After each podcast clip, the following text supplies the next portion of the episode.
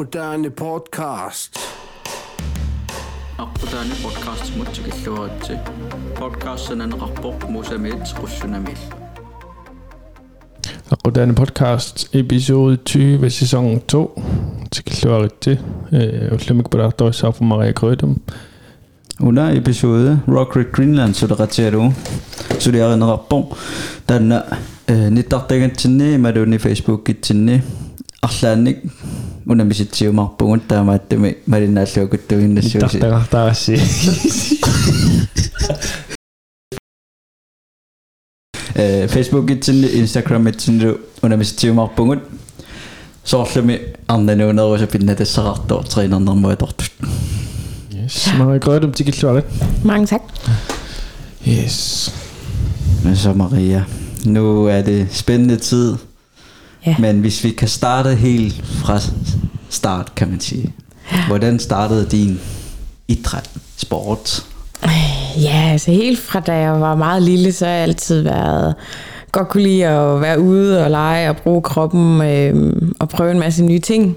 Øh, og jeg har, ja, så har jeg prøvet alle mulige forskellige sportsgrene, jeg var helt lille som barn. Øh, min far han plejede at drille mig lidt med, Nå, hvad er det nu, jeg skal købe et nyt udstyr? Fordi det gik en måned, så vil jeg prøve noget nyt, så skulle jeg til at have penge til noget andet udstyr der. øh, så jeg har prøvet en masse ting sådan lidt her og der. Øh, det jeg så har dyrket længst tid til at starte med, det var indendørs fodbold. Okay. Ja. Øh, jeg var på ungdomslandsholdet indendørs fodbold i 2015, hvor vi var med til Arctic Winter Games. Øh, og så snowboard kom også deromkring, da jeg blev teenager. Jeg havde en veninde, som tog mig med ud på alpinski. Hun var rigtig god til at stå på alpin. Øh, og så lærte hun mig at stå på alpinski. Ja. Øh, så tog vi til, hvad er det nu, den hedder? Øh, Manitok. Øh, Abu Dhabi. Ja, Abu ja. Og så var der en af de ansatte der, der lærte mig at stå på snowboard. Øhm, og så blev jeg forelsket i snowboard. Det var en mega fed sportsgren. Øhm, så det har jeg dyrket de fleste år, mens jeg har været teenager i hvert fald. Ja. ja. Hvad med efterfølgende? Hvornår kom det? Hvornår kom CrossFit ind i billedet? Ja, altså man kan sige, fordi jeg har prøvet så mange forskellige sportsgren, øhm, så efter fodbold og snowboard, så var det fordi, jeg skulle flytte til udlandet for at studere. Øhm, så da jeg gik på gymnasie i Norge, øhm, der var der ikke rigtig nogen, jeg kendte, der spillede fodbold. Øhm, og det var lidt langt væk fra de snikledte bjergtoppe, der hvor jeg boede i Stavanger. Øhm, så begyndte jeg at gå i fitnesscenter med en veninde. Mm. Og så startede vi på sådan noget aerobic hold og sådan ja. noget step hold og alt muligt. øhm, så var der så sådan et hold, der hed Pump, hvor det er med sådan nogle gummivægtstænger og sådan noget. Så tænkte jeg, "Ah, det var mega fedt.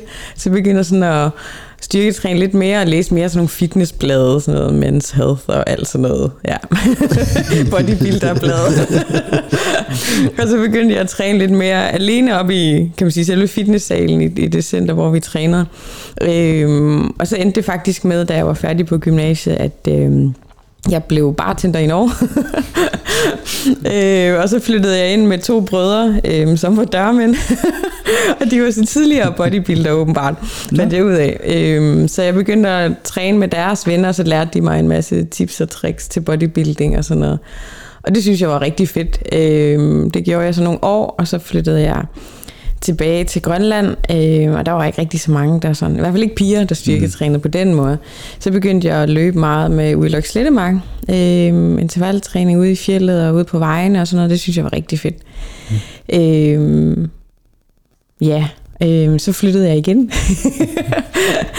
øh, flyttede til, ja, først et halvt år i Norge for at læse bachelor i turisme, Øhm, men så fandt jeg ud af, at det var ikke så spændende, fordi at, øh, hvis man havde læst bachelor i tre år i turisme, så kunne man øh, have en fremtid i at sidde og tage imod rejsebestillinger på et rejsebureau. så jeg tænkte, ej, det gider jeg ikke lige at bruge tre år på. Giver nummer. ja. øh, så jeg flyttede til Danmark øh, med min kæreste, øh, Torlak, som stadig er min kæreste. Øh, så skulle han læse til maskinmester i Svendborg, og så begyndte jeg at arbejde i et fitnesscenter imens. Øh, og der blev jeg så udlært som sådan noget pumpinstruktør, spinninginstruktør, sådan noget stepstyrke, en blanding lidt af det hele. Øhm, og tog nogle kurser inden for styrketræning, øhm, mens jeg søgte ind på idrætsstudiet på Universitetet i Odense. og så kom jeg så ind der på idrætsstudiet, øh, og mens jeg så læste idræt, så begyndte jeg at dyrke lidt triathlon øh, og adventure race med en studiekammerat. Hun er faktisk lige flyttet til Nuuk, sjovt nok, og Okay. hendes ja, mand arbejder i GIF. Ja. ja.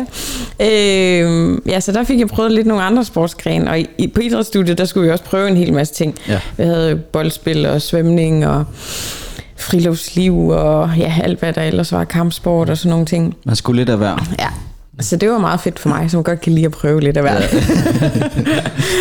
øh, ja, øh, og da jeg så kom hjem fra idrætsstudiet og flyttede hjem igen, så var det faktisk helt tilfældigt en, en politimand, Angutingo Aktitusen, der introducerede mig for CrossFit, fordi han havde var begyndt at dyrke det lidt. Øh, og så begyndte han at vise mig, hvad det handlede om. Og, hvad, øh, ja. og så trænede vi lidt sammen, og så synes jeg, det var mega fedt. Netop fordi CrossFit bare er en blanding af det hele. Mm. Ja. Det er en blanding af bodybuilding, løb, øh, alle de gymnastiske øvelser, der er derude. Øh, ja, øh, der er også svømning med, der er stort set alt med i CrossFit. Mm, ja. øh, og så tog jeg så til Island, og så tog kursus som CrossFit-instruktør. Jeg har været derovre flere gange for blive bedre og bedre. Ja, mm. De har nogle af verdens bedste crossfitter ja. derovre. Cross, crossfitens mega. Ja, lige præcis. Ja, Ja, næsten. de er virkelig, virkelig, der er et eller andet i deres vand derovre. De, de er godt nok seje. Ja. ja. The Blue Lagoon. ja, lige præcis. Det er der ikke vand. Jeg hørte faktisk, øh, da vi var i Island, vi kørte taxa, og så spurgte taxachaufføren også, hvad tror I, hvilken, hvad hedder det, facilitet bliver mest øh, besøgt i Island? Så er vi selvfølgelig Blue Lagoon. Ja. Det var så CrossFit-centret. CrossFit Reykjavik, Ja. ja. ja Det var ret meget overraskende. Der er faktisk hende, der har været verdensmester, uh, Annie Thorisdottir fra Island. Hun uh, fortalte nemlig også i en blog, at uh, hun havde nemlig også kørt taxa, hvor de også sagde, at det var det mest besøgte sted, taxachaufførerne kørte hen. Ja. Det var til CrossFit Reykjavik. Ja. det er Der lidt har vildt. jeg så ikke været. Nej. Næste gang du er i Island. Men jeg har det været første, du skal besøge. ja, ja. ja. Så det er rigtig stort. Ja. Hvad med, hvis man skal, inden vi kommer ind i CrossFits Mhm. verden, kan du huske noget i forhold til ungdomslandshold, det der fodbold, hvordan det startede, og blev du bit af det, og Ja, men jeg kan huske, at jeg tror faktisk, hvis jeg skal være helt ærlig, at det også var min veninde, som lærte mig at stå på alpinski, der øh, fik mig med til fodboldtræning op i Godtophallen dengang. Øh, og jeg så begyndte vi at spille fodbold der. Og det sjove er faktisk lidt, at det er den samme veninde, som da der var udtalelse til Arctic Winter Games, så var det faktisk hendes plads, jeg fik. Fordi hun er så god til alpin, så hun skulle med. Øh, ja, hun skulle hvad var det? Jeg tror, det havde noget at gøre med noget GM, nej, DM i skiløb, hun skulle til. Så fik jeg hendes plads, så det var sådan lidt en trøstepræmie. gave ja, måske? ja, lige præcis. Øhm, ja, men det var en mega fed oplevelse at komme til Alaska dengang, ja, og så spille fodbold med landsholdet. En kæmpe stor oplevelse, det var rigtig fedt. Det, var der også noget med ud- udendørs, du var med til? Ja, vi var, dengang var vi med til indendørs. Okay, øh, ja. Men jeg har gået på idrætsefterskole øh, efter folkeskolen i Danmark, hvor jeg var på fodboldlinjen. Ja, der spillede vi udendørs. Ja. Vi blev bedre til at skyde lidt længere. kan du huske, altså AVG er jo meget sådan fællesskab, og den der ånd. Ja. Kan du huske noget af det? Ja, jeg kan huske, at vores træner gjorde meget ud af, at vi skulle, vi skulle være til det, vi skulle være meget sammen. Vi havde sådan en lille træningslejr i Gang Slussok på vej derhen. Mm. Og så skulle øh, vores træner finde, øh, det var Magga, Magga Johansen, kender hende? Ja.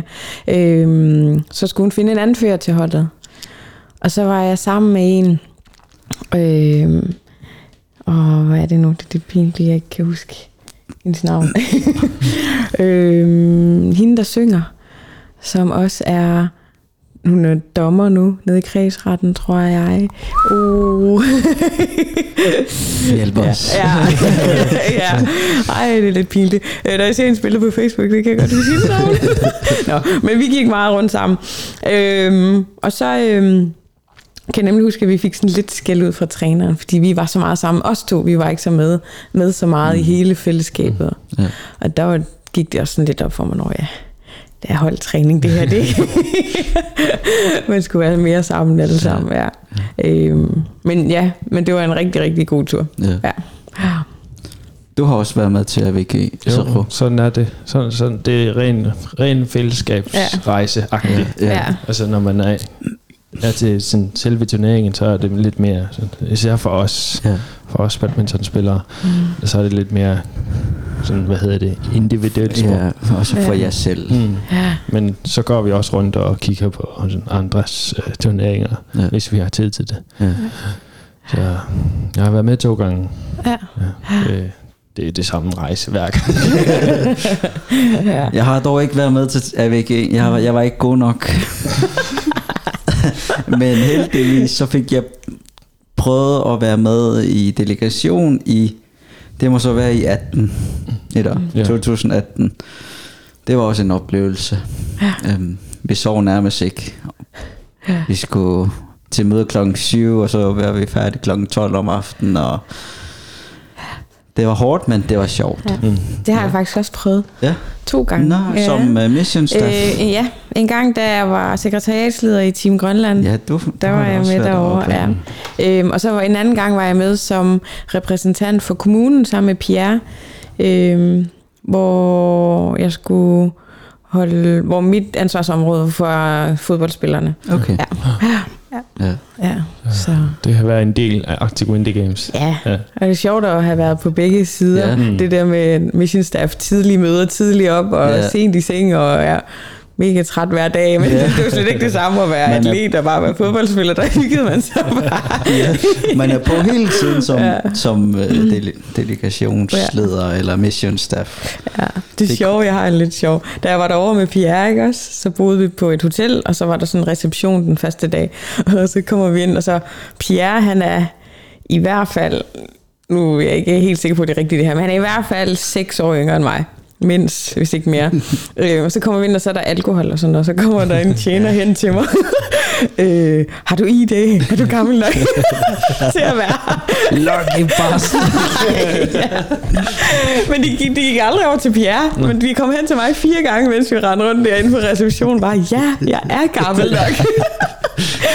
Så jeg må have set meget, meget ung ud, eller bare lille. jeg, jeg havde hørt meget om den der reception, mission staff party-agtig reception. Så jeg havde store forventninger, at man kunne vinde alle mulige tøj og alt muligt. Men jeg vandt ikke så meget, så det var en øh, okay aften. Men vi havde en lang tur fra Yellowknife til selve stedet, og vi skulle køre med vores bil. Øh, de, atleterne skulle køre bus, og så kørte vi bil i 8 timer fra Yellow, Yellowknife. Og vi ankom klokken 9-10 stykker, og så skulle vi igennem den der paskontrol-agtige. Ja. Så vi var på stedet klokken 6 om morgenen og skulle mødes til møde klokken 7. Så vi fik en halv time søvn, og så skulle vi til møde. Hey. Det var hårdt. Ja. Nå. Jeg kom lige i tanke om, hvad hun hedder, hende fodboldspiller, jeg har Ja. ja. med. Det er Varna. Ah, Jeg ah. fik lyst til at sige Marianne, men det er jo det, det, er, det er Varna. Okay. Jeg kender godt Varna, ikke også? Jo. Ja, Jo. godt.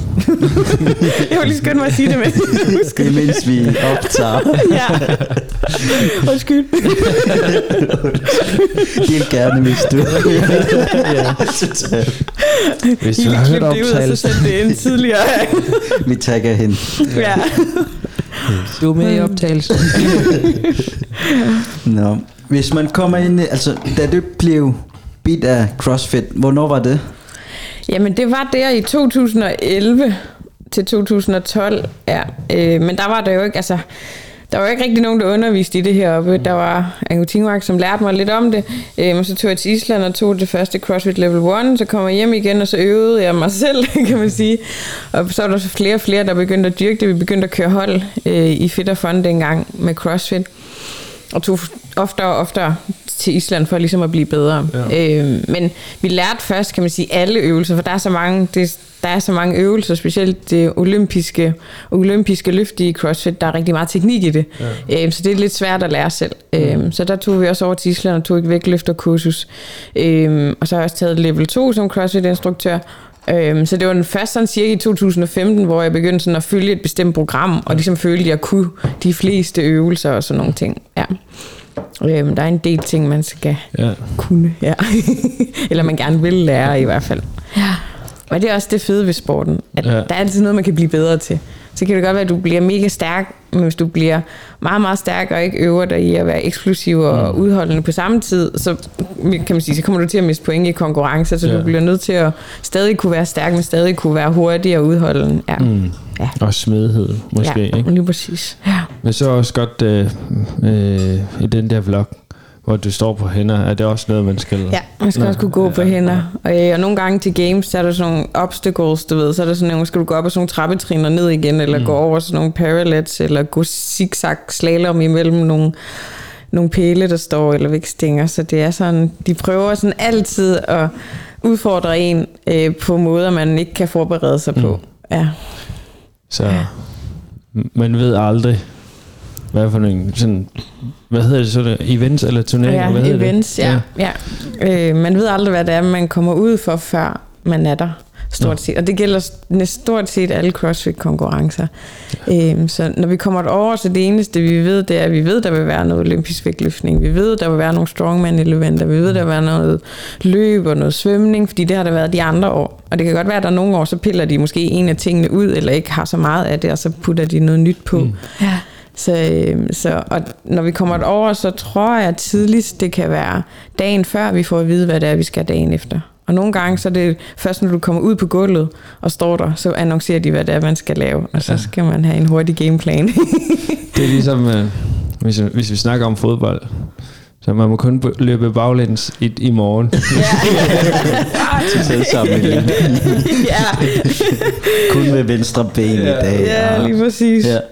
Ja. Men har du, hvordan var det, da du skulle prøve den der, og få et ved, nu er det den her, altså, og ikke ved, hvad du skal, øhm, og så lige pludselig få et ved, hvilke tanker har du, og hvordan er du mentalt, og Ja, øh, jeg tror, den første konkurrence, jeg var ude til internationalt, det har nok... Nå, det var Watstock. Det var ikke... Nej, det var Esbjerg, undskyld. Mm. Esbjerg var til min første konkurrence. Øhm, og der kan jeg huske, vi skulle lave en workout med noget, der hedder dumbbell squat snatch, hvor du har en håndvægt i hånden, så skal du den over hovedet komme ned i squat, og så rejse dig med den over hovedet. Øhm, og fordi den er så ustabil, når det kun er én håndvægt, og du skal ned i squat-stilling, skal man være meget mobil og fleksibel for at kunne lave den. Og der kan jeg huske, at jeg stod ude bagved og øvede mig, for det var første gang, jeg skulle prøve at lave den øvelse med håndvægten der. Øhm, og jeg blev ved med at tabe den foran mig og bagud og ud til siden og sådan noget. Øh, men heldigvis, mens jeg varmede op, så fik jeg sådan lidt styr på det, inden jeg skulle ind på konkurrencegulvet. Øhm, så heldigvis kan man sige så, fordi vi laver så mange forskellige ting i CrossFit, så vender vores krop os hurtigt til nye øvelser. Så har mm. altså, på god kropskontrol, og så er det bare lige med at øve det, vi så, det der kommer med det samme. Og nogle gange så er det også, så bliver man jo bare nødt til at gå ud og så gøre det så godt man kan, og så kan det være, at man finder ud af undervejs, okay, måske skulle jeg løfte den øh, komme hurtigere under den med det samme, eller et eller andet. Øh, men nogle gange så kan det godt være, at der måske er gået halvdelen af repsene, du har været igennem, før du finder ud af den mest effektive måde at gøre det ja. på. Øh, og så kan man stå og æve sig bagefter over, man ikke fandt ud af det lidt tidligere. Ja.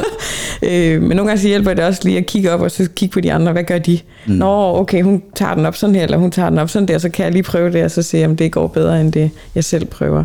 Mm. Men det er meget sådan noget med at kom ind, så prøv det af. Hvis det ikke virker, skynd dig at prøve noget nyt. Skynd dig at prøve noget nyt, hvis det heller ikke virker, fordi at, øh, du kan miste mange sekunder på at blive ved med at gøre det forkert, eller på den måske en mere lang, en mindre effektiv måde for mange gange. Mm. Ja.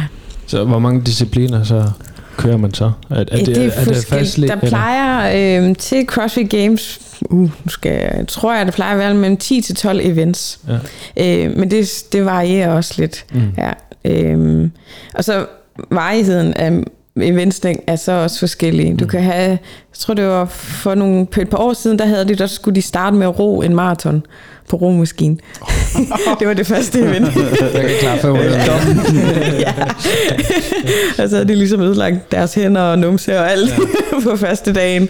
Øhm, og en anden gang, de har haft en triathlon på den første dag, hvor de skulle cykle mountainbike, løbe op af sådan ja, fjeld øh, og svømme.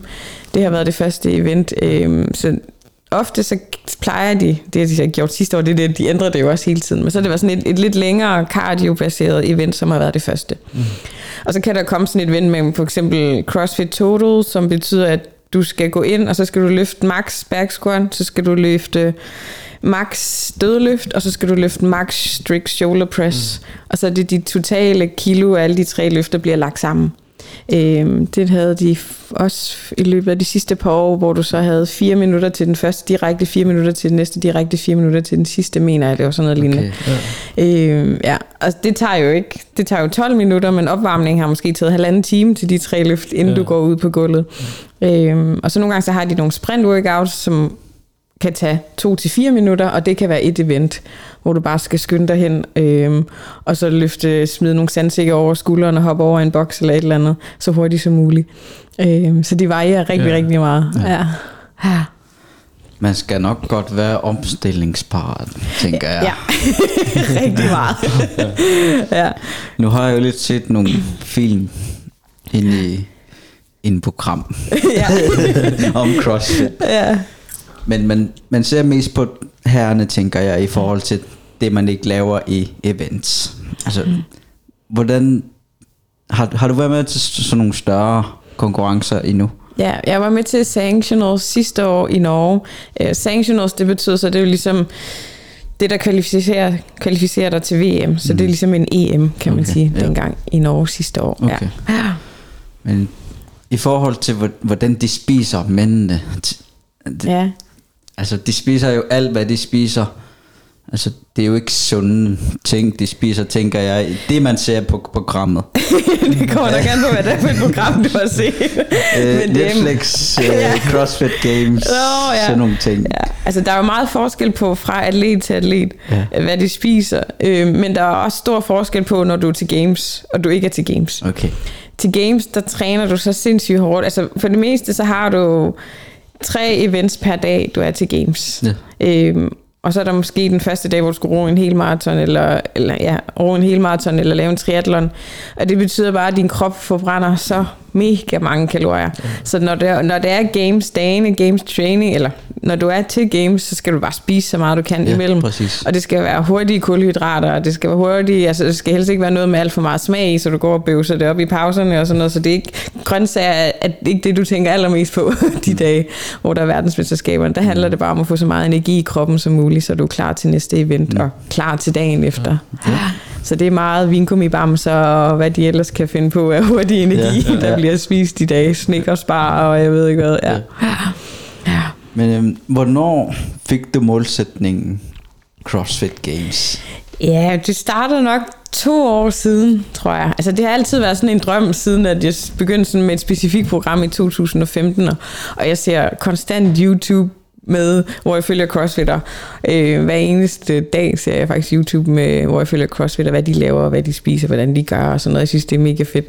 Øh, så det har sådan altid været en drøm, det der med at komme til games. Øh, men for to år siden, der fik jeg en ny træner, øh, og så sagde jeg, fed, jeg skal til games. det er mit mål. Og så tænkte jeg, at han kommer til at grine af mig nu, men det gjorde han ikke. han sagde bare, okay, så laver jeg et program til det. Øhm, og det er faktisk nu her til midten af juli, så har jeg fulgt hans program i to år. Okay. Ja, han har været min træner. Han laver et individuelt program til mig, så jeg kan nå mit mål. Ja. Mm. Øhm, og det har så også gjort, at jeg skulle skrue meget op for min træning de sidste to år. Øhm, så min træning har været de der 4 til seks timer om dagen. Øhm, I hvert fald seks dage om ugen. Øhm, og så har jeg haft to lettere dage, hvor det har været cirka 2-3 timers træning. Øhm, og det har været hver eneste dag, også selvom jeg har været på ferie, eller, der har været andet, eller hvis jeg har været syg. Det er kun, hvis jeg virkelig har feber og haft det dårligt, mm. og ikke kan gå ud af sengen, så har jeg ikke trænet med, eller så har det bare været med games, som har været målet, at jeg har trænet hver dag. Ja. Så Hvordan, hvordan ser ugen så fra mandag til søndag? Øh, det ser ret ens ud. jeg har mandag, tirsdag, onsdag, fredag, lørdag træner jeg 4 til 6 timer. Torsdag plejer nogle gange at være lidt lettere, det er den ikke lige nu, fordi vi er så tæt på games. Øh, men torsdag plejer nogle gange at være sådan tre timers, lidt, ikke, to, ikke så tunge vægte, men måske mere noget cykel og løb og sådan noget svømning. Øh, og søndag plejer så også at være lidt det samme, lidt lettere. I nogle perioder i løbet af de her to år, så har søndag været min aktive hviledag. Mm. Øh, så der kunne det godt være bare at løbe en tur i 40 minutter, stille og roligt. Bare til Ja. kirke og tilbage. ja. så det har været, der har det været mere stille og roligt, men det sidste halve år, der har jeg, jeg tror, jeg kan tælle på en hold, hvor mange hviledage jeg har haft mm. de sidste seks måneder.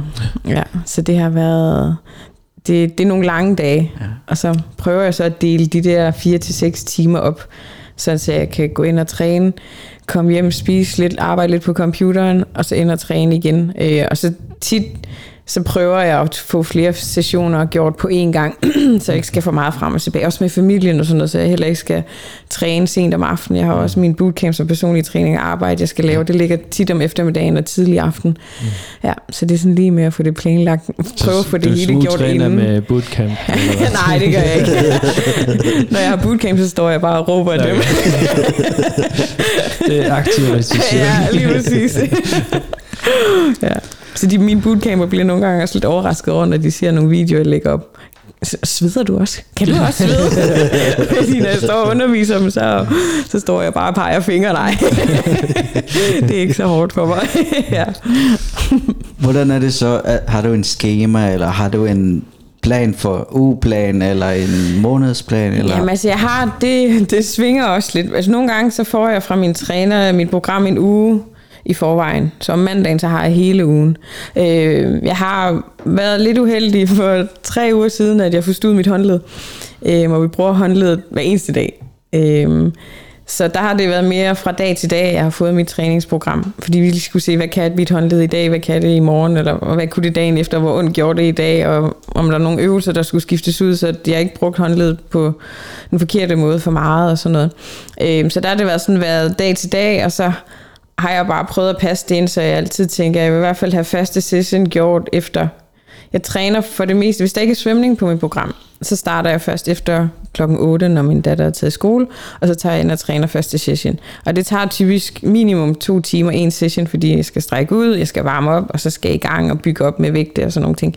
Øhm, og så kan jeg være hjemme til frokost nogle gange, spise frokost, arbejde lidt på computeren, så ud af døren igen, træne igen fra 1 til 4 cirka, så har jeg bootcamp der. Øhm, hvis jeg mangler noget, ikke har nået det hele, så er der nogle gange, jeg tager tilbage, efter jeg har haft bootcamp og personlig træning om aftenen, og så lige tager en time der. Mm. Og så er det hjem og spise, øh, slappe lidt af, og så i seng. Ja.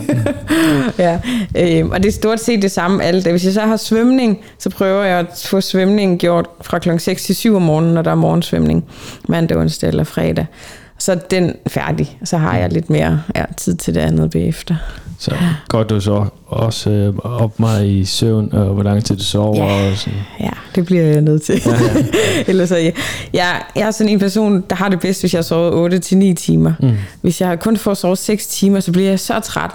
Og så er jeg bare, det eneste min hjerne siger hele dagen er pjek, pjek, pjek, pjek for træning. øh, og det dur ikke. Det dur ikke, hvis jeg gerne vil nå derhen, hvor jeg gerne vil.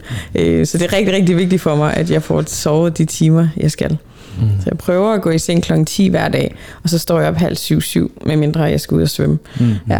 Øhm, og det fungerer fint. Nogle, week- nogle gange i weekenden er jeg lidt senere, fordi vores datter hun er også blevet lidt større, så hun gider ikke gå i seng kl. 10, så, så bliver vi op lidt længere. Så er der en mor skal i seng nu. ja, præcis, det er helt omvendt, ja. Mor, du skal i seng ja, hvor jeg siger til hende, kom nu, skal vi ikke i seng nu, klokken er mange, fordi det er mig, der vil i seng.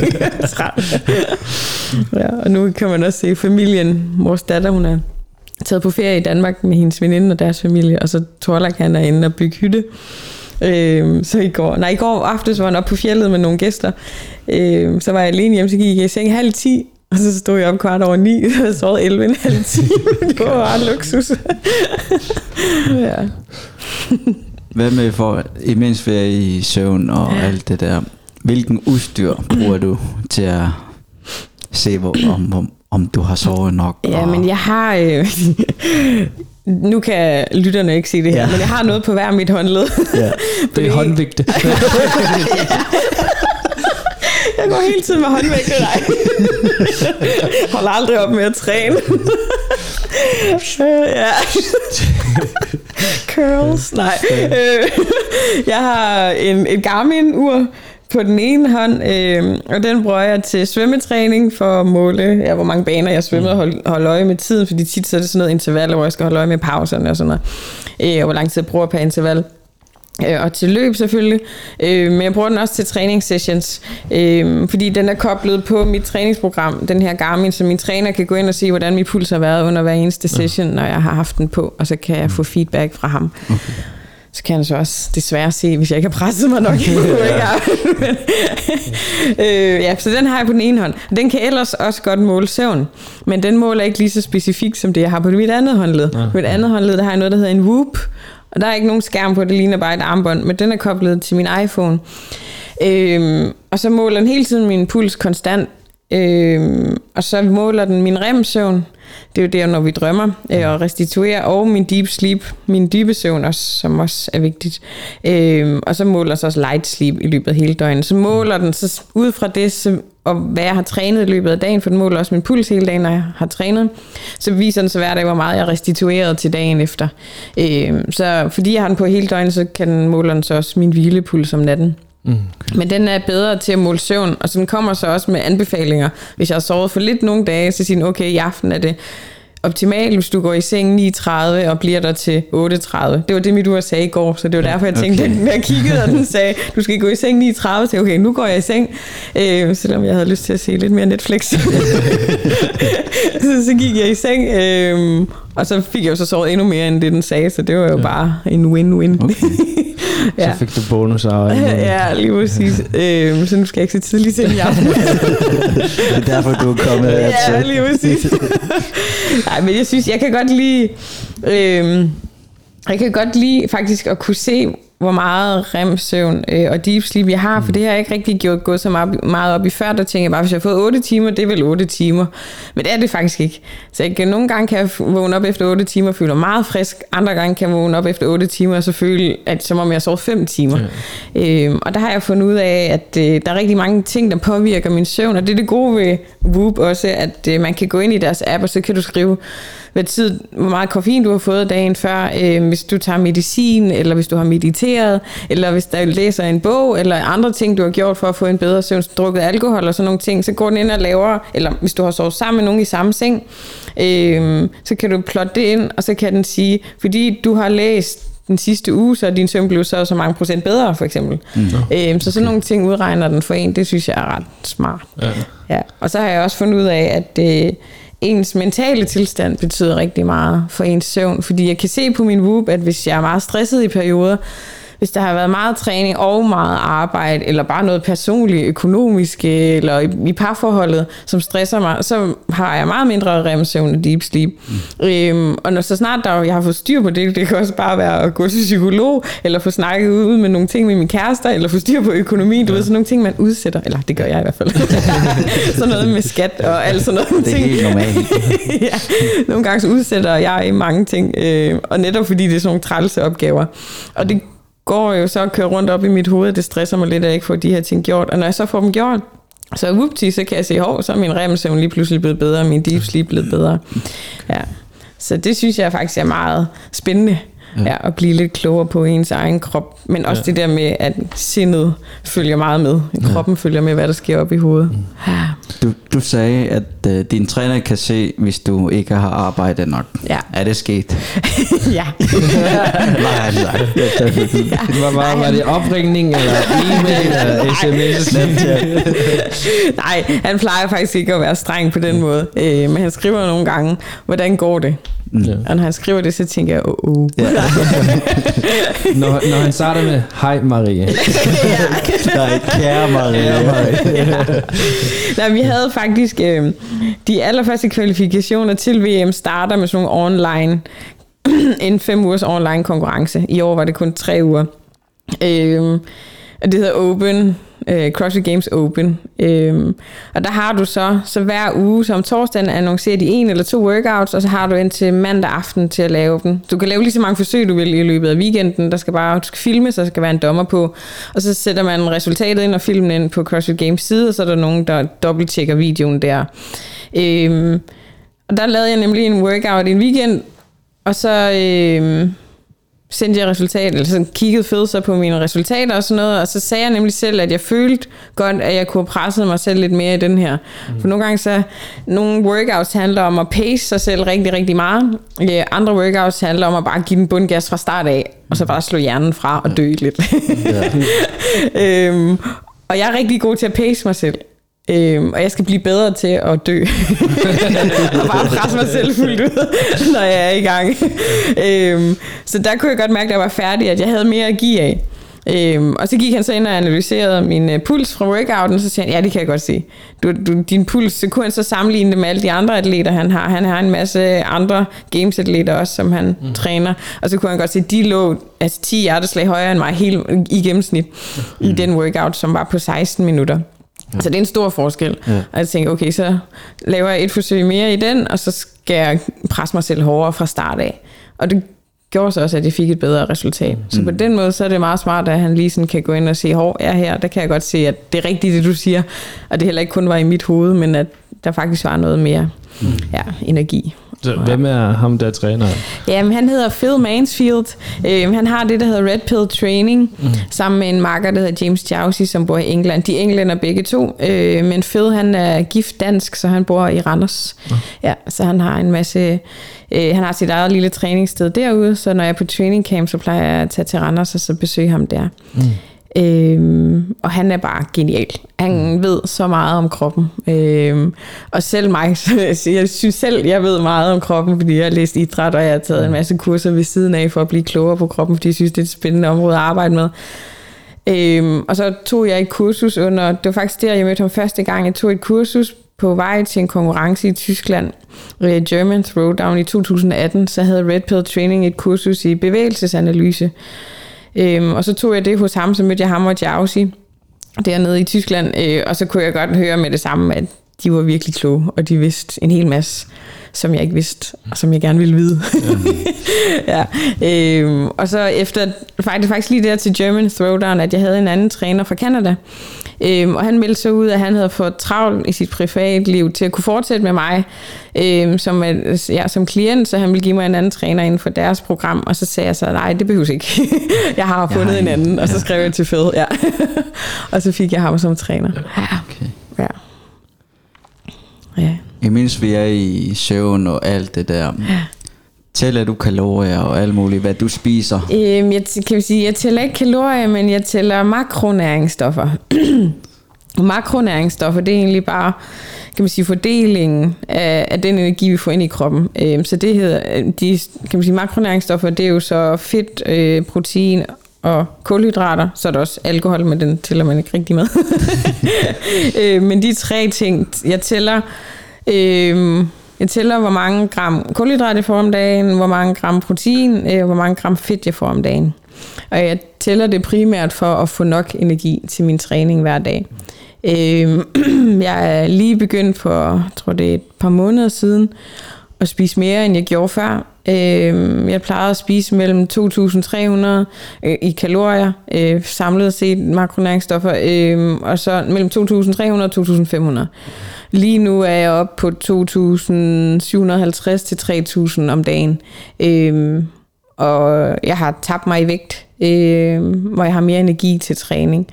Øh, så det har fungeret rigtig meget, rigtig godt for mig. Øh, da jeg så skiftede fra lidt lavere øh, kalorier til lidt flere kalorier, så sammensat set, så var det faktisk bare mine kulhydrater, jeg skulle have mange flere af. Hmm. Ja, øh, så der er, kan godt se, at der er rigtig, jeg tror, specielt for kvinder, kvindelige atleter, så tror jeg, at man er blevet lidt bange for at spise kulhydrater, og spise mange kulhydrater. Mm.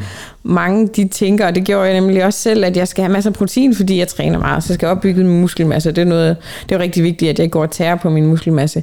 Øhm, men så skåret ned for kulhydraterne, fordi jeg har været sådan lidt bange for at få for mange kalorier, eller mm. tænkt, at det, det ryger bare lige ud igen. Men det har jeg faktisk brug for, når vi ja. træner så meget, som vi gør. Så lige nu spiser jeg, er jeg oppe på 355 gram kulhydrater om dagen. 150 gram protein om dagen øh, og 80 gram fedt om dagen. Og ja. det giver så de der 2.750 kalorier. De sidste par dage har træningen været mega hård, så der har jeg bare spist mere. Øh, og det jeg har spist mere i, det har så været kulhydrater. Ja. ja. Så fra morgen til aften, ja. hvad for nogle mad spiser du? Ja, når jeg står op om morgenen, så starter jeg altid med et stort glas vand, hvor jeg putter frisk citronsaft i, øh, noget æblecider eddike i, for det er godt for tarmfloren. så har jeg noget kulpulver, sådan noget sort pulver kul, som jeg også putter i, altså, som er altså godt til at få. om morgenen. ja.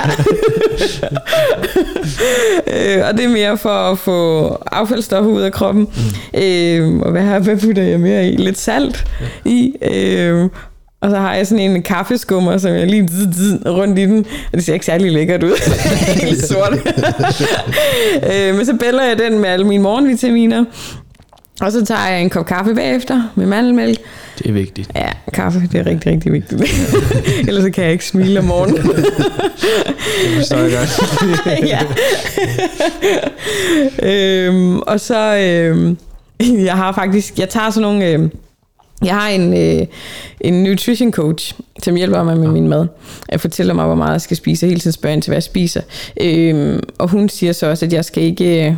Øh, jeg skal ikke veje mig, jeg skal ikke kigge på vægten, øh, jeg skal tage billeder af min krop i spejlet en gang om ugen. Og så sender jeg det til hende for at se, om man kan se fremskridt i forhold til at begynde at spise mere. Mm. Øhm, og så de første 3-4 uger, hver gang jeg sendte hende et billede, kunne jeg bare se, at jeg så totalt sur ud. så bare, hvorfor smile? Jeg plejer altid at smile, når jeg tager billeder, og så er det bare, nå, jeg har ikke fået kaffe endnu. så først kaffe. Først kaffe, ja. ja. Øh, ja, så jeg starter med det om morgenen, og så min, øh, jeg spiser det samme til morgenmad hver eneste dag. Øh, det er sådan en smoothie bowl, jeg laver. Mm. Øh, og det er så 100 gram grøntsager, øh, frosne grøntsager, broccoli og spinat. Øh, så er det 130 gram frosne tropiske frugter. Jeg kan også høre, at jeg måler min mad. ja. ja. Det er ligesom mig. det er helt normalt for os. ja. 130 gram frosne frugter, det er sådan en tropisk blanding, jeg bruger med mango, ananas og papaya. Og så putter jeg 2,5 dl mandelmælk i. Så tager jeg øh, 20 gram, eller jeg tror det hedder 30 gram, men en scoop protein, vegansk proteinpulver, så jeg får 20 gram protein i den. Og så tager jeg en scoop øh, kollagen, for det er godt for huden og ledene. Og så putter jeg kreatin i. Jeg spiser kreatin hver dag, hver morgen. Øhm, og hørfrø, hørfrø og chiafrø, og en stor klump ingefær. Øh, det er det. Ja. det er min I min hoved, så er det sådan en total kæmpe tallerken, ja. hvor der bare... ja. en kæmpe det er en kæmpe, kæmpe skål smoothie bowl. Og så oven på den putter jeg så 50 gram grove hav, havregryn ovenpå, og 8 gram honning hælder jeg så ud over. Og så spiser jeg det. det er min øh, morgenmad. Jeg tror, at det ligger på næsten 40 gram protein og jeg kan ikke huske så meget kulhydrater, og der er ikke så meget fedt i igen. Øhm, det sparer jeg mest til aftensmaden, fedtet. Ja, det ligger lidt tungere i maven, hvis der er for meget fedt i. Ja. Cirka 500 kalorier, tror jeg, jeg har. 500-600 kalorier i min morgenmad. Okay. Ja. Hvad koster sådan en morgenmad? 3.000. ja. jeg gik faktisk og regnede lidt på det nogle gange, når de ikke har... Jeg køber altid de der frosne bær på, på tilbud. Jeg også de frosne grøntsager, hvis de er på tilbud. De har tit de der fem poser for 50 kroner eller et eller andet i Pacific, så fylder jeg bare fryseren op. på et tidspunkt, så havde de ikke mine frugter. Og så skulle jeg i brusen, så havde de kun sådan nogle små poser med til sådan en smoothie, der pakket ind enkeltvis. Ja, ja. Hold fast, man. Så sad jeg regnet, altså bare grøntsagerne og frugterne var jo 40 kroner næsten, og så kommer alle mine tilskud oveni. så, men det er en god morgenmad. Ja, okay. øhm, så jeg spiser den hver eneste dag. Og er rigtig, rigtig glad for den. Ja, øhm, og så nogle gange, hvis jeg når at komme hjem til frokost, Øh, imellem træningerne, så tager jeg en til der. Okay. Så er jeg sikker på, at jeg har fået min grøntsager i hvert fald. Ja. ja. Hvad så med aftensmad? aftensmad, det varierer. heldigvis så er Thor der god til at lave mad, og kan godt lide at lave mad. Øh, jeg kommer mange aftener, kommer jeg lidt sent hjem, fordi jeg har bootcamp eller personlig træning. Øh, så det bliver bare... Øh, lige for tiden, jeg bliver rigtig glad for bare at lave en blandet salat med noget fetaost og noget salat og noget agurk og peberfrugt, øh, æblestykker. Øh, ja, altså en eller anden god dressing over, øh, og nogle hakkede nødder. Øh, og så spiser vi noget fisk, eller kylling, eller rejer til, eller et eller andet. Øh, og så noget ris eller kartofler, hvis jeg for det meste har jeg brug for lidt ekstra kulhydrater der om aftenen. Ja, sådan noget ris og Det noget med til. dæk. Nej, det, det, det er jeg faktisk ikke så glad for.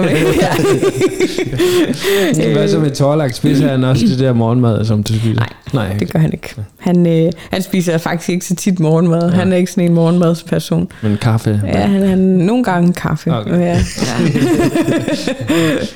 ja. Ej, jeg prøvede, jeg har spist vegansk næsten et års tid. Øhm, jeg holder mig stadig lidt, det er meget sjældent, jeg spiser rødt kød. Øhm, men det er mere fordi, at jeg fandt ud af, at da jeg begyndte at spise vegansk, så følte jeg mig meget lettere. Ikke fordi jeg blev lettere på vægten, men jeg følte mig meget lettere, når jeg trænede, og det var jeg rigtig glad for. Øhm, men så er jeg så begyndt at få lidt mere kylling og fisk nu, fordi jeg kan mærke, at det generer mig faktisk ikke så meget. Men rødt kød, det er faktisk lidt sjældent, at jeg spiser det. Så der er nogle aftener, hvor at, øh, Torlak og vores datter, de, så laver han rensdyr hakket kødsovs med et eller andet, og så spiser jeg bare en ve- vegansk version, jeg har købt nede i butikken.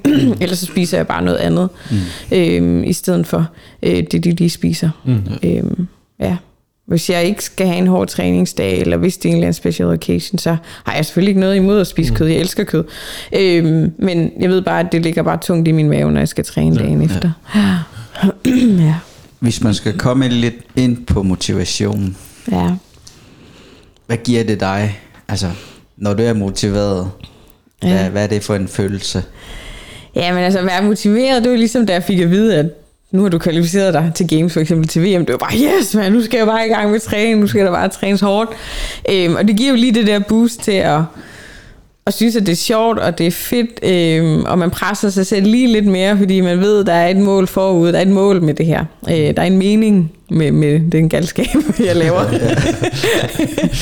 øhm, så, så så det er sådan nogle ting, som kvalifikationer og konkurrencer kan gøre. Det er netop det der med, at det kan give en en motivationsboost.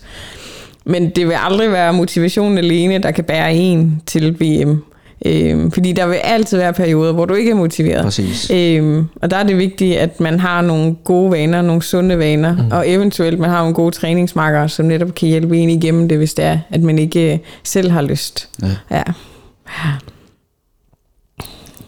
Kan du huske perioden, en af perioderne? Du må have haft mange demotiverende dage, tænker ja. jeg. Jo. Men altså 365 dage, det er mange dage Ja. på et år. ja. Og ikke alligevel. okay, alligevel. Hvordan er det at er demotiveret og skal træne?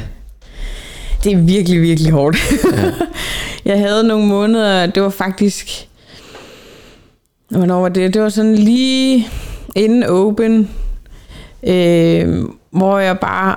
Altså, jeg tror, jeg var, jeg var bare... Jeg står tit alene oppe i Inua CrossFit ja. Inua og træner, øh, og det handler om, at jeg træner i dagtimerne, fordi jeg arbejder eftermiddag og aften, og sådan lidt, ja, jeg kan sådan selv planlægge det lidt, øh, men der træner der også, fordi der er ikke så mange mennesker, så der er plads til alt det, jeg skal lave. Så jeg træner jo der, hvor de fleste mennesker arbejder. Så tit så træner jeg helt alene. Øhm, og da jeg startede med CrossFit, der startede jeg med en masse venner, øh, nogle fra politiet øh, og nogle andre, så, og der trænede vi hele tiden sammen, og det var bare mega sjovt. Det var ja. Bare en fest hver dag, Ja. når man havde træningsmarker hele tiden. Øh, men da jeg så begyndte at, kan man sige, på et lidt højere niveau med et specifikt program, kun lavet til mig, så var der ikke så mange, der kunne hoppe, der var ikke så mange, der bare havde lyst til at hoppe med på det, jeg lavede. Mm. Og jeg kunne ikke bare hoppe med på det, de lavede, fordi jeg havde mit program, jeg skulle følge for at nå dertil, hvor jeg gerne ville. Så det betød jo så, at jeg, der var flere og flere dage, jeg begyndte at træne helt alene, og mange dage, hvor jeg skal presse mig selv mentalt, fordi at jeg har de her workouts, og jeg har de her tunge vægte, jeg skal løfte det, der står på programmet. Øh, så det har der har været mange perioder, hvor jeg virkelig har tænkt, hvad er det, jeg har gang i? det er fandme hårdt, det her. Ja. Og også nogle dage, specielt om sommeren og foråret, hvor solen skinner, og alle er ude, der er helt tomt op i endnu, og så står jeg der som en eller anden tosse i fire timer. øh, der kan det være virkelig hårdt, og ikke bare, når jeg tager lige på liften, eller nu skinner solen, eller jeg gør lige noget andet. Øh, men der har jeg jo bare måttet prioritere, hvis jeg gerne ville nå til games, at jeg bliver nødt til at gøre det her. Jeg bliver nødt til at stå herinde og lave det her. Jeg kan ikke bare tage på liften, selvom mm. vejret er godt. Øhm, men der er det altså, jeg var på et tidspunkt, hvor jeg bare, jeg kunne mærke, at det var så hårdt for mig hver eneste morgen, at bare stå op og så tage mig sammen til at gå op og træne, fordi jeg bare skulle trække mig selv igennem det hele dagen. Øhm, men det er så sagde til mig, det er jo mit eget valg. Der er ikke nogen, ja. der tvinger mig til at gøre det. Der er ikke nogen, der siger, at jeg skal. Alle jeg måske føler, at fed vil give mig en pegefinger, hvis jeg ikke har gjort det, der står ja. på programmet. Men øh, det var jo min egen målsætning, jeg har sat mig. Øh, så der har det bare handlet om at et eller andet sted slå hjernen fra, og så nu gør du det her. Øh, og der tænker jeg meget sådan som, hvis jeg gerne vil være en CrossFit Games atlet, så bliver jeg nødt til at agere som en CrossFit Games atlet. Jeg bliver nødt til at tænke som en CrossFit Games atlet. Jeg bliver nødt til at spise som en CrossFit Games atlet. Jeg bliver nødt til at restituere, det vil sige sove, øh, igen spise ordentligt, meditere hvad der ellers skal til for at være en CrossFit Games atlet. Øh, for ellers bliver jeg det jo ikke. Øh, så til at ændre den tankegang så tænke, en CrossFit Games atlet pjekker jo heller ikke for træning eller bliver går ud og laver noget andet, fordi det er godt vejr, eller ikke tager til træning, fordi ej, det gider jeg ikke lige i dag. Mm. Øhm, så det handler egentlig bare om at ændre tankegang og tænke, hvis jeg gerne vil det her, så bliver jeg nødt til at gøre de her ting, og jeg bliver nødt til at gøre dem hver dag. Øhm, og ikke, kan man sige, have ondt af mig selv ved at gøre det, fordi det er mit eget mål. Øhm, så at stå op og så tænke, jeg skal træne i dag, det er ikke et spørgsmål om, skal jeg træne i dag? Det er bare, jeg træner i dag, og jeg træner i hvert fald to gange om dagen. Øhm, så det er jo bare med at komme op, samme rutine, samme kaffe, samme vand, samme morgenmad, træningstøj på, ud af døren, øhm, og så har gjort det, jeg kan. Og så hvis jeg har en pause til at gå hjem, så gør jeg det, arbejde lidt på computeren, spise lidt, tage tilbage igen, gøre resten, og så arbejde igen om aftenen. Mm. Øhm, og der har det bare været at tænke, lad være med at tænke for meget over det. Bare gør det, som nu er blevet til en vane, og så blive ved med at gøre det. Fordi så snart jeg kommer ud af en vane, så er det også svært at komme tilbage til den igen. Så hvis jeg bliver forstyrret af noget ferie eller helligdag, hvor åbningstiden ændrer sig op i endnu og sådan noget, så bliver det mega frustrerende. Ja. at så kan jeg ikke bare køre på min naturlige vane, som ja. er det nemmeste. Og det er også nemmest for hjernen at bare gøre det samme dag ud ja. og dag ind. Mm. Øh, man skal bare lige ind i den nye vane, i den ja. rutine, så, så bliver det lidt nemmere. Ja. Men det har stadig været hårdt de dage, hvor jeg ikke har haft nogen. Det ja. tror jeg gerne. Jeg har været så, så heldig, at lige efter Opens, øh, så kvalific- kvalific- kvalificerede jeg mig til den næste runde, som ligesom er ligesom semifinalerne for os Masters i min division. Og der havde jeg cirka fire uger efter Opens var færdig til at så træne op til det. Øh, og der kunne jeg godt mærke, at jeg var totalt mentalt udslidt og fysisk, og det sidste, jeg havde lyst til, det var at gå op og presse mig igen, fordi jeg lige havde presset mig i tre uger hen over Opens. Øh, og der spurgte jeg en, Ina Roholm, Lasses kæreste, om hun ikke gerne ville træne med mig. Og det ville hun heldigvis gerne. Hun var lige heroppe, på grund af corona faktisk, selvom hun er tandlægestuderende, så hun lige nu kan studere herfra.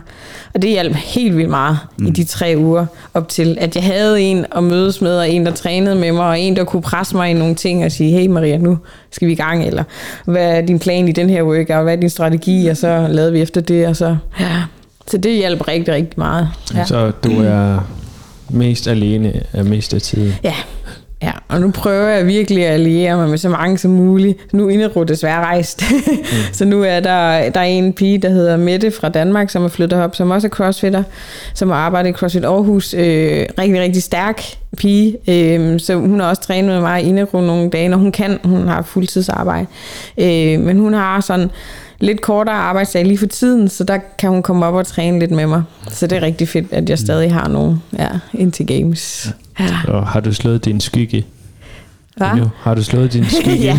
ja, jeg kan mærke, at det, det tynger mig ikke, men det er også igen, nu er der den der gulderød, nu er der den der motivation, jeg skal til games. Mm, ja. øhm, så nu, nu, det er ikke lige så hårdt øh, på samme måde, mm. fordi at jeg ved, at, øh, at det er snart, så nu skal der bare presses igennem ja. de her dage. Ja. Ja. Lige inden vi kommer ind til den situation, som du står i, du nævner flere gange meditation og mental og alt det der. Ja. Træner du mental træning? Ja, Altså jeg mediterer dagligt. Okay. Øhm, for det meste, når jeg har mulighed for det. Øhm, og det gør faktisk, at og det handler egentlig meget om det der med at ændre min egen indre stemme. Lige så-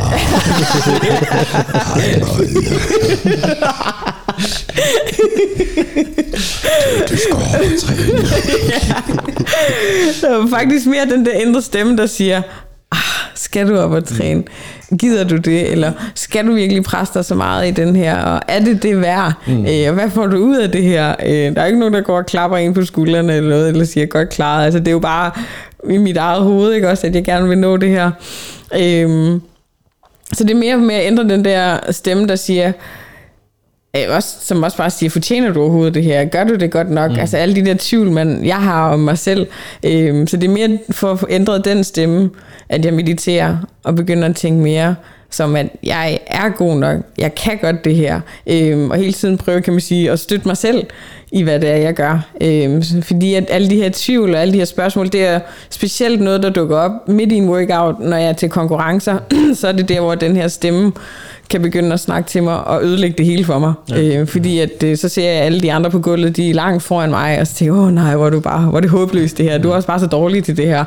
Og så, så snart de negative tanker begynder at komme, så stiger ens puls, og så ødelægger man det faktisk for sig selv, det, man har, det jeg har gang i på gulvet til konkurrencen. Så det handler meget for mig at lære om at snakke mere positivt til mig selv. Øh, og bakke mig selv op. Øh, og nogle gange også bare lære at slukke for den stemme, øh, når det er, jeg er i gang, og have mere fokus på, hvor det er, jeg gerne vil hen, mm. i forhold til alle de her tanker, øh, de kommer fra en, en fortid, hvor jeg har følt, at jeg ikke var god nok. Mm. Øh, og det er den, jeg skal prøve at, at ændre på. Øh, og det kræver faktisk, at jeg dagligt mediterer, for at kunne ændre den her stemme, fordi at det er de fleste mennesker, får de her tanker fra barns ben af, at der er nogen, der har sagt et eller andet, eller kommenteret et eller andet på et tidspunkt, når man var barn. Det kan være ens forældre, det kan også være andre mennesker, der betyder noget for en, og det kan også være noget, nogen har sagt til andre, men man selv har taget det på sig selv. Så hvis der er en, der har sagt noget til min søster, så er jeg gået og tænkt, Nå, det kan være, det også gælder for mig, fordi vi er familie eller et eller andet. Ja. og så er jeg gået og tænkt de her tanker om mig selv, som ikke er sande, som vi kalder overbevisninger. Og det er dem, som jeg hele tiden prøver at arbejde med, at lave mere positive mine egne overbevisninger. Mm. Fordi det vil hjælpe mig som atlet, det hjælper mig også ude på gulvet, når jeg står der, øh, men det hjælper mig også bare til at holde fokus på, hvor er det, jeg gerne vil hen, øh, og motivere mig til, og ikke, kan man sige, vores hjerne er bygget lidt ind, som om den vil altid gerne tage det lette valg, vores hjerne. Øh, den vil altid gerne være i sin komfortzone. Så snart vi kommer ud fra vores komfortzone, og det er også kan bare være til træning, men det kan også være økonomisk eller andre ting, så begynder den at brokke sig hjernen. Så vil den gerne have, at du kommer tilbage til din komfortzone. øhm, altså for eksempel ikke at presse sig selv i en workout og dø. hjernen vil helst ikke have, at du dør. så den prøver jo at stoppe en. Og det er også sådan en overlevelsesmekanisme. Øhm, men, øh, men det, vi har ikke har ikke på samme, den overlevelsesmekanisme i forhold til at bruge energi, når du træner. Det handler om, at du skal altid spare en lille smule energi, hvis du nu lige pludselig bliver jagtet af en isbjørn ude på gaden eller et eller andet. Men det gør vi jo ikke sådan nu til dags. Nu kan vi jo gå ind, og vi skal ikke ud og jage eller blive jaget. Mm. Øhm, så vi kan godt bruge al vores energi ude på konkurrencegulvet. Øhm, og så altså kroppen den skal nok besvime, hvis du presser den for meget. Du kommer ikke til at dø af det. så vores, kan man sige, vores hjerne påvirker os meget mere, end vi lige tror. Mm. Så hvis man sådan kan blive lidt klogere på sin egen hjerne, og på hvad man siger til sig selv, så kan man også nå meget længere med det, man gerne vil med kroppen. Mm. Ja. Så hvad så, med, hvad så med sådan, den medita- medita- meditation? Hvad, hvordan foregår den? Jamen altså, jeg har lidt forskellige former for meditationer, jeg bruger. Øhm, jeg har en Joe Dispenza. Han er en amerikaner. Øhm, meget amerikansk også. han har en masse gode meditationer ude på YouTube. jeg plejer at bruge nogle af hans morgen meditations. Og det handler netop om at ændre sine overbevisninger. Og så sidder man og mediterer over og siger til sig selv sine nye overbevisninger. Øhm, og så har jeg også brugt Wim Hofs meditation. Det er ham, der Iceman. Ja. ja. øhm, og det handler mere om, at hans meditation, der går du ind og ændrer din vejrtrækning, hvor du holder vejret til sidst, som går ind og ændrer nogle ting i din hjerne, så den, kan man sige, resetter din kæmpe flygtsignal. Øhm, øh, ja, som gør faktisk, at du bliver mere klar og fokuseret i hovedet, men det gør faktisk også, at din adrenalin den bliver rigtig, rigtig høj. Så hans meditationer har jeg brugt en del gange inden Opens konkurrencer for eksempel, fordi det er ligesom, jeg bliver meget mere fokuseret, og kroppen er meget mere klar på det, den skal ud og lave. Ja. Øh, hvor Joe Dispenza, det handler mere om at lave min overbevisning og min indre stemme om til noget mere positivt. Ja. Ja, altså der, der er sådan lidt, altså der er også nogle meditationer, jeg nogle gange bruger øh, fra noget, der hedder Budify, sådan en app for mobilen. Det er sådan en, hvor du kan lytte til noget meditation, mens du går tur med din hund, hænger vasketøj op, eller hvad det nu skal være, sådan bare for at ikke tænke på noget, mm. og bare slå hjernen fra. Ja. Det er meget spændende. Mm-hmm. Nå, hvilken situation står du i nu? ja, altså... Jeg vil gerne stikkes. ja, stik mig for nej. jeg er jo så heldig, at jeg har kvalificeret mig til VM. Ja, det er stort tillykke. Vi har ikke engang sagt tillykke, og vi var så spændte. Ja, tak. Øhm, der er så et, lidt par udfordringer forbundet, forbundet med at skulle til USA. Øh, den første er så min vaccine, fordi at USA har nogle lidt andre regler end Danmark har i forhold til, hvornår er du færdig vaccineret, hvornår får du dit coronapas. I USA, der får du først dit coronapas 14 dage efter dit sidste stik. Øhm, og det betyder så, at min plan er, at jeg skal være i USA den 15. juli, så 14 dage inden der skal jeg have mit sidste stik. Så det var grunden til, det var så, ja, her, den helt senest den 30. juni, jeg skal have mit sidste stik. Så det var derfor, jeg troppede op en ja. måned før ja, ja. nede ved Usk for at, at få mit første stik. Fordi der skal gå fire uger fra dit første stik til det andet stik. Så det, mm. altså, i er det et krav at med, med, hvis Nej, du skal med til... Eller, det ved jeg så faktisk ikke endnu. Nå, okay. Lige nu, det er ikke et krav at være fuld vaccineret for at komme ind i USA, øh, men du undgår at skulle i syv dages karantæne. Mm. Øh, og min træning er lagt op sådan, at jeg skal pike på det helt rigtige tidspunkt til konkurrencen. Mm. Så hvis jeg skulle i syv dages karantæne, det vil ødelægge rigtig meget ja. af min form i forhold til at kunne præstere så godt som muligt. Til, øh, fordi jeg holder ikke pause, bare fordi jeg har konkurrence. Min mm. træning ser bare anderledes ud lige op til konkurrencen. Øh, så, ja, så den første del var, at det ville ødelægge rigtig meget i forhold til, at jeg skulle pike på det rigtige tidspunkt til konkurrencen. Men også det, at det er meningen, at jeg skal på træningslejr i Danmark inden, Øh, så det er også for at undgå at blive smittet på vej mm. og blive syg øh, op til VM, at jeg vil have det første stik. Men allervigtigst var for at undgå den der karantæneperiode. Mm. Øh, det er jo så den første ting. Lige nu kan det godt være, lige nu kan jeg ikke komme ind i USA fra Europa, fordi at der er nogle coronarestriktioner fra USA's side. Øh, så der kan det faktisk godt være en fordel, at jeg er færdigvaccineret, fordi det kan være, at de begynder at åbne op for folk, der er fuldvaccineret. Ja. Ja. Så lige pt. kan jeg slet ikke komme til USA, fordi jeg skal via København. Øh, ja, Island kan jeg heller ikke komme via. Øh, stort set alle lande er lukket for USA lige nu, sådan som det ser ud. Grønland er ikke lukket for at komme ind i USA, men der er ikke noget kommersielle fly fra Grønland til USA eller Canada. Så det er det, jeg vil undersøge nu, det er alle flyvninger. Charter, eller fragt, eller staff, ja. eller hvad det nu er, nogen, der bare skal flyve over Slusværk og fuele og videre til USA, om der er nogen, der kan have mig med på den ene eller den anden måde. Øhm, så jeg undgår at komme forbi Europa. ja. Den anden mulighed er så, at øh, CrossFit.com, dem der afholder VM, de prøver at undersøge, om de kan, eller de har søgt om at få specialtilladelser til alle os, der er kvalificeret os til VM, at vi gerne må komme ind i landet. Øh, at vi får en særtilladelse til at komme ind i landet. Det betyder så, at jeg ikke kan få min træner med, eller videomand med, eller noget. Øh, men de har ikke fået noget svar. Og det ser ikke så positivt ud, fordi der er andre sportsgrene, ligesom basketball og baseball i USA, der heller ikke har kunne få lov til at få atleter udefra ind i landet. Øh, så den, Tredje mulighed er så, at eller jeg håber på, at de begynder at åbne op for Europa. Lige nu har det været, jeg tror det var i BT, der stod, at England håber på, at fuldvaccinerede snart kan få lov til at rejse fra England til USA. Men der står ikke noget om, hvornår. Øh, og om fra England gælder det så, at hvis jeg bare flyver via England, må jeg så gerne. Øh, men stadig, indtil videre så gælder reglen stadig fra Danmark, at hvis du har været i en af de forbudte lande, de lande, du ikke må rejse til USA fra, så må du ikke have været i det land i 14 dage, inden du kommer ind i USA. Mm. Så hvis man stadig ikke må have været i Danmark, så vil det sige, så skal jeg til Danmark og skynde mig videre til England og være 14 dage i England, for at kunne flyve videre fra England til USA, for ikke at have været i Danmark 14 dage, inden jeg kommer ind i USA. Så det er sådan lidt, det, det er lidt øh, kringlet, ja. og det er lidt svært at planlægge noget som helst lige nu, når jeg ikke ved, hvordan jeg kommer derover. Men hvad så med Danmark, den hvad hedder, daler nu? Øh, ja, smittetallet, smittetrykket daler heldigvis i de største dele af Europa. Mm. Øh, men de har sat sådan hele Schengen-området, og det er Europa, eller det er Danmark og øh, Tyskland og Frankrig og alle de her lande, der sætter sammen, dem har de sat under en gruppe, mm. øh, i forhold til, at de ikke må rejse ind i USA. Og det handler om, jeg tror, det er fordi, det handler om, at de har så åbne grænser, så folk kan bare køre rundt over det hele. Øh, så det skal, jeg tror, det er rigtig mange lande i Europa, der skal have lavere smittetryk, inden de åbner op, mm. for at man kan rejse til USA. Men det er det, jeg håber lidt kommer til at ske nu her, inden for et par uger.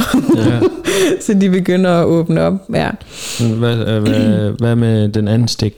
Tegner det godt? Jamen altså, jeg har ikke, jeg har ikke blevet kontaktet af Sundhedsvæsenet, så altså, jeg har ikke fået at vide noget at vide om, øh, hvornår jeg, eller jeg er ikke blevet, jeg har kontaktet sagt, du kan komme ned den her dag og blive stukket. Men de har jo lagt de her fastlagte datoer ud, øhm, og det var så meningen, mit første stik, det skulle jeg få på tirsdag i min aldersgruppe. Øh, men det er så for tidligt til mit andet stik, ja, ja. fordi at der skulle tidligst 29. jeg kan få mit andet stik. Men heldigvis den 29. der stikker de 38-39 år, det vil sige kun en overgang under mig. Ja. Så der tager jeg derned, og så håber jeg, jeg kan få mit andet stik ja. der. Ja. Ja.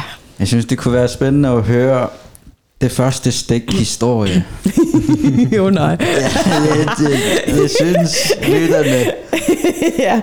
hvis du har lyst. ja. Det vil sige, du har ikke noget ja. Nej, men jeg havde... Jeg begyndte jo at tænke, kan man sige, hvornår skal jeg til Games? Og så måtte jeg jo sådan tænke tilbage, hvad er den sidste dato, jeg skal ind i USA? Og så måtte jeg tænke tilbage 14 dage fra der, skal jeg have det sidste stik? Og det vil så sige, det første stik skal jeg have nu her, Ja. starten af juni. Og så øh, begyndte jeg så at undersøge, øh, hvor, man, hvor de gav vacciner og sådan noget. Så så jeg så, at der var nogen i Nuuk, der blev vaccineret. Og det tror jeg, det var første dag, de begyndte at vaccinere i Nuuk, der, da jeg var dernede. Og så tænkte jeg, nu stiller jeg mig så bare ned. Det kan være, at de har nogle ekstra jo. Det har man hørt om før. at der kunne være nogle ekstra. At der er nogen, der ikke dukker op. Det har der været i nogle af de andre byer i Grønland. Der er rigtig mange, der ikke har dukket op til at blive vaccineret. Så jeg tænkte, det kan være, at jeg er heldig. Øhm, og så tog jeg derned, så for det første så havde jeg læst et eller andet sted, at de åbnede klokken 1 til halv 5. Så jeg kom derned lidt over 1, men de har allerede åbnet halv 9. ja. øhm, og så blev jeg så afvist dernede, hvor de sagde, du kan, du må, vi må ikke lave en kø, sagde de. Og så sagde jeg så, okay, hvad så hvis jeg bare sætter mig her udenfor? Så var de jamen det må du selv om. Og så siger jeg, jamen okay, så kommer hen mig, hvis der bliver en i overskud? Nej, det kunne de ikke. Så nå, okay. øh, men så satte jeg mig derude alligevel og ventede. Øh, og så lukkede de så halv seks. Og så kunne jeg godt se, at der kom nogle andre, sådan nogle, ikke i den der 60 plus aldersgruppe mm. ind. Og så tænkte det kan være, at det var familier til dem, der var derinde, eller et eller andet, der også skulle følge deres forældre derind. Øhm, så da klokken blev halv seks, så gik vi ind igen. Jeg havde en veninde med Ina Broholm, som jeg træner med. Så gik vi ind igen, og så havde de, havde de bare sat sig i kø, de andre. Og så tænkte vi, det var da mærkeligt. De har jo sagt, at man ikke må sætte sig i kø. Nå, men så gik vi ind og udfyldte den der, så satte vi os også ind. Øhm, og der blev vi ikke smidt ud. øhm, og så kom hun så ud, og så sagde hun så, at øh, jamen, de har faktisk nogen i overskud. Og så sagde de så til alle os, der sad i rummet, så håber jeg, I selv har styr på, hvem der er først. Og så var der en mand, der sagde noget, så sagde jeg, nej, jeg var først. og så blev han lidt sur og sagde, nej, det fandme ikke rigtigt. øh, men det var fordi, vi har siddet udenfor. Han havde ikke set, at vi sad Nå, ja, udenfor og ja. ventede. Og så kom sygeplejersken heldigvis, som havde set, at jeg var lidt irriterende der i starten. og satte mig udenfor og sagde, nej, det er altså rigtigt, de to unge piger, de var her altså først. Og så kom vi ind, og så blev vi så vaccineret. Og heldigvis så blev vi jo så alle os, der så sad og ventede mm. med overskudsvaccine. Vi blev alt, fik alle sammen overskudsvaccine. Okay. Vi blev så også pænt fortalt bagefter, at, at det var kun den dag, det ville ske. Altså de andre dage, der ville de have en bufferliste, som de ville ringe til fra den næste aldersgruppe. Okay. Ja, så jeg var rigtig, rigtig glad, og jeg var rigtig, rigtig heldig, tror jeg, at, øh, at det kunne ske den dag. Ja. Ja, og rigtig glad for det, fordi det var seriøst deadline for mit første stik, hvis mm. jeg skal nå at have andet stik inden 14 dage, jeg skal lande i USA. Mm. Ja. Kunne du mærke noget? fra Øh, stikket? fra stikket, nej, jeg kunne mærke, at øh, nej, den, jo, øh, Den var øm, ikke? den, øh, jeg kunne ikke mærke noget den dag, jeg fik stikket. Men de næste to dage kunne jeg mærke, at min arm, ja. den var meget, meget øm, ja, og, og jeg kunne ikke rigtig sove på den side og sådan noget. Ja, og i starten troede jeg, har jeg bare ømme muskler? Øh, og så snakkede jeg med Inero om det dagen efter, hvor jeg, nå, det er jo stikket. Ja, ja. Og så var hende, nå, det er også derfor, hun troede også, bare, hun havde ømme muskler efter så- træning. Ja, ja, og den kløede lidt og var lidt rød i noget tid. Men heldigvis ikke øh, nogen øh, influenza-symptomer eller noget. Ja. Jeg synes, der mangler lige noget i, i den fortælling, som jeg gerne vil høre. Okay, du spørger Jeg, bare. jeg, jeg snakkede med din søster. ja. I har en far, som, Nå, øh, ja, det er som rigtigt. er... Ja, som øh, var tidligere pilot. Ja, præcis. Og vi vokset op med at, at flyve på ID-billetter, da vi var børn. Øhm, og så er det tit, når vi skulle flyve, så sagde min far altid, altså tit så fløj vi på standby-billetter. Mm. Og så sagde vores far altid til os, øh, når vi rejste alene, at selvom I er på standby, og de siger, at der ikke er plads, skal I gå ud til gaten, og så skal I bare blive stående, indtil I ser flyet. Det er fløjet. Det skal være af landingsbanen. Det må ikke engang bare være kørt ud på landingsbanen. Det skal være fløjet og lettet, inden I vender jer om og går. og der er faktisk flere gange, hvor vi har fået den besked, når vi har fløjet, at nej, du er standby, der er ikke plads. Og så er vi bare, bare nej, men jeg venter lige. Jamen, jeg venter lige. Og så er faktisk i sidste øjeblik, så er det, hey, der er, hey, der er et sæde ledigt, og så er vi kommet med alligevel. så jeg havde den tankegang der, da jeg stillede mig ud Præcis. foran usk. Det var, det var den, jeg, jeg gerne ville have. ja. Hvor jeg tænkte, nej, nu går jeg ikke, nu bliver jeg her. og så håber jeg, at, øh, at det går alligevel. Og det gjorde det så heldigvis. Og jeg er rigtig, rigtig taknemmelig for, at jeg fik de første stik. Og de var rigtig søde hos sygeplejerskerne, da jeg fik de første stik. Ja. Så det var rigtig godt, ja. Så hvornår sker CrossFit Games? Jamen, det, Og hvorhenne? det sker i Madison, Wisconsin den 27., 28., 29. juli skal jeg konkurrere. Ja. Øhm, og det ligger halvanden time fra Chicago, mm. nord for Chicago, ja. Så jeg håber på at kunne komme derover den 15. juli, øh, fordi vi lige har været til training camp, hvor træningen bare har peaked fuldstændig, hvor jeg bare er blevet smadret i 4-5 dage. Ja. kommet i topform, øh, og så har vi så nogle rejsedage til USA, øh, og så træner vi så videre derfra. Skal vende os både til tidsforskellen, og det er lidt fugtigere og varmere vejr, ja. og skal vende os til at svømme i søer, fordi det højst sandsynligvis bliver en sø, vi skal svømme i, ja. hvis der kommer svømning til games. Ja. Og så øh, ja, lige finde en, en hverdag derover inden det går i gang det hele.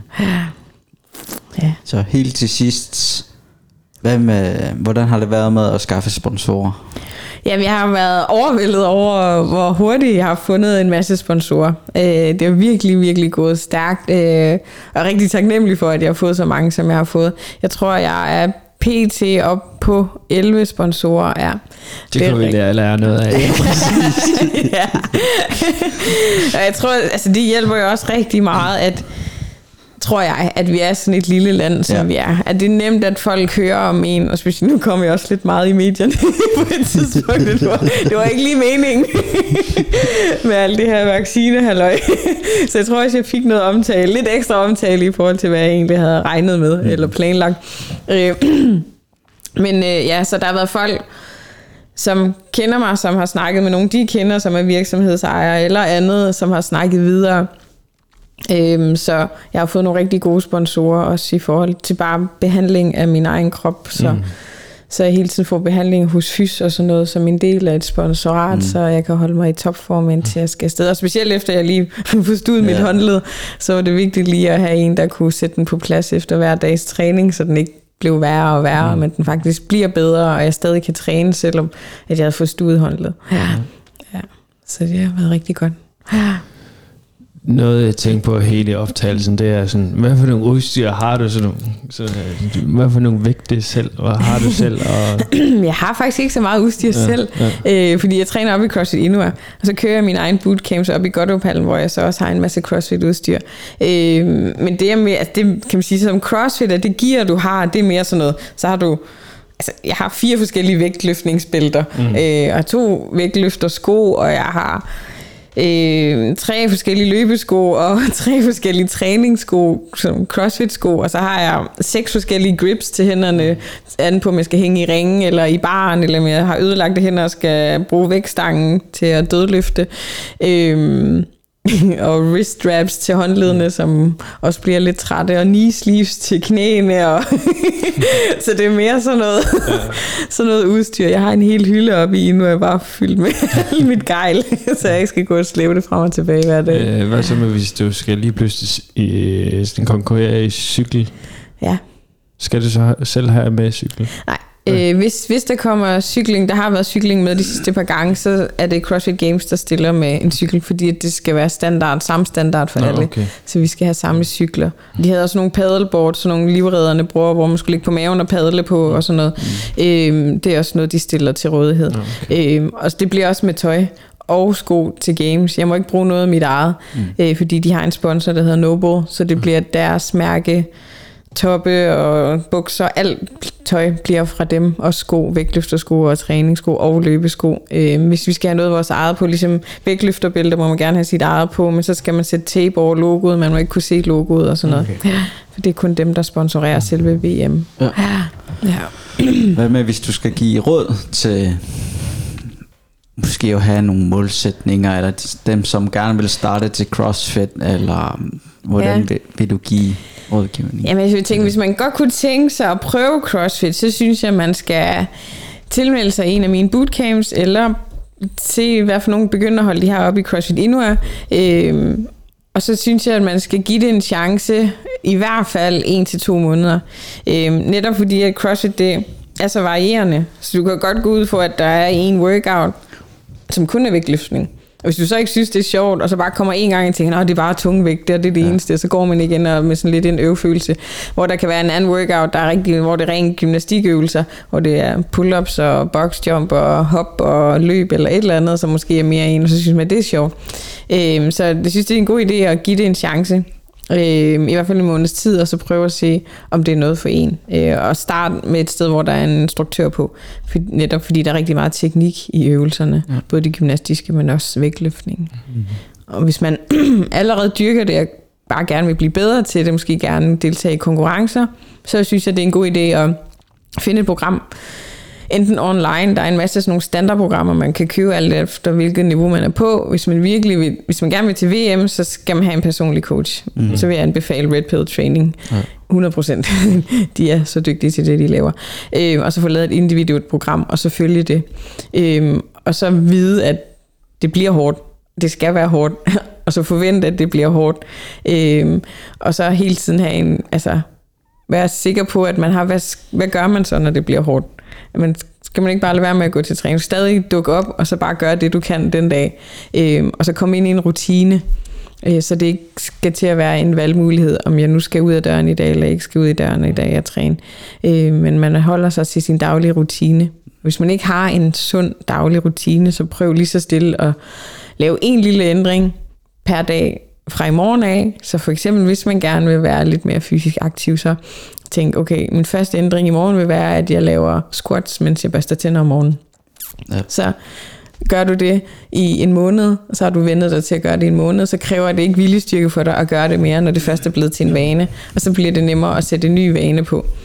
Og det tager de der 4 til 6 uger, eller der er faktisk stor forskel. For nogle mennesker kan det tage 41 dage, for nogle mennesker kan det tage 250 dage at ændre en vane, men gennemsnittet cirka 4 til 6 uger for at ændre en vane. og så lave dem så små som muligt i starten, så det er nemmere at overkomme. Mm. Så det ikke er sådan noget med løb 10 km hver dag fra i morgen af. for der er der ret stor sandsynlighed for, at du ikke kommer til at holde det. Men lav nogle små ændringer der, hvor du kan. Det kan også bare være med kosten. Hvis du gerne vil spise flere grøntsager, så begynd at spise en agurk hver dag, eller en gulerod til morgenmad hver dag. Start småt. Det er meget, meget nemmere, og så få det ind som en sund vane. Eller hvis du gerne vil sove mere, start med at gå 10 minutter tidligere i seng hver aften. Så når du har vendet dig til det, så gå 10 minutter tidligere i seng hver aften. Og så kan det være, at du når op på de 8 timer, du skal have. Ja, for at være frisk dagen efter. Og jeg vil sige til folk, der gerne vil ændre livsstil, som gerne vil leve sundere, uanset hvor meget du træner, eller hvor sundt du spiser, hvis du ikke får sovet ordentligt, så nytter det ikke noget. Øhm, så det aller, aller vigtigste råd, jeg vil give, det er, få styr på søvn først. Få sovet ordentligt 8 timer om, i døgnet, helst fra kl. 10 til kl. 06, mm. og så kigge på det andet bagefter. Fordi søvn, det virkelig, det påvirker resten af dit system hele dagen, dagen efter, hvis du ikke har fået sovet ordentligt. Mm. Ja. Hvordan kan man så følge med i din øh, VM? Ja, altså jeg har lavet et partnerskab med Lasse Petersen, Så han laver nogle vlogs, som følger mig hele vejen. Så jeg håber selvfølgelig også på, at han kan komme med til USA. Vi må se, om, øh, hvordan det kan lade sig gøre. Øhm, så han poster nogle vlogs løbende. Øh, der kommer i hvert fald til at komme en to-tre stykker om måneden på YouTube, og så deler vi dem på alle vores sociale platforme, mm. både min Instagram og Facebook, og på Lasses Instagram og Facebook ja. og YouTube-kanal, øh, så man kan følge med der i, hvad jeg laver. Mm. Og så prøver jeg at blive bedre til at selv poste lidt mere på Instagram og Facebook.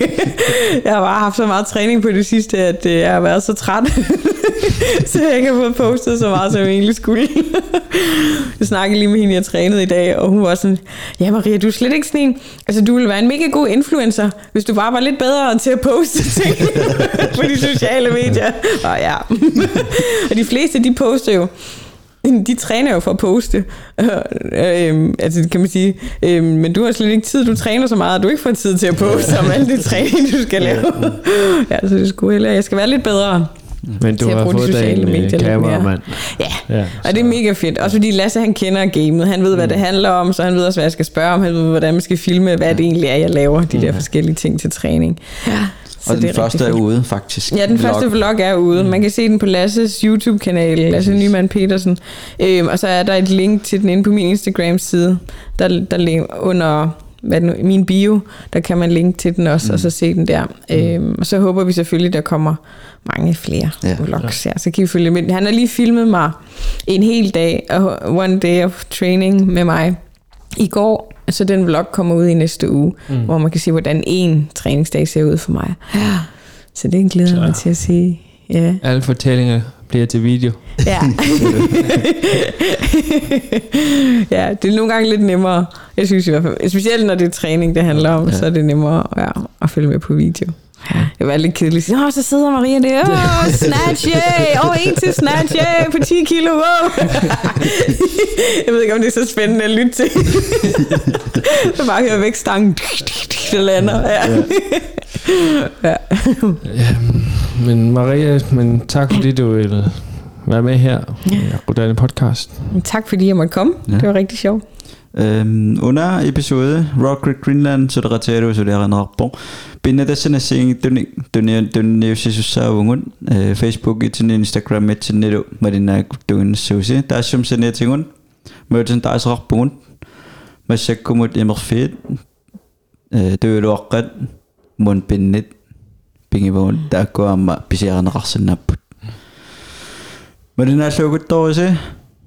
Øhm, siger martera тааллуугутториси нерюппунгуллуаммария иерллуарумаартор Ja. уисаамултикиккумаартор ja. Og held og lykke. Mange tak.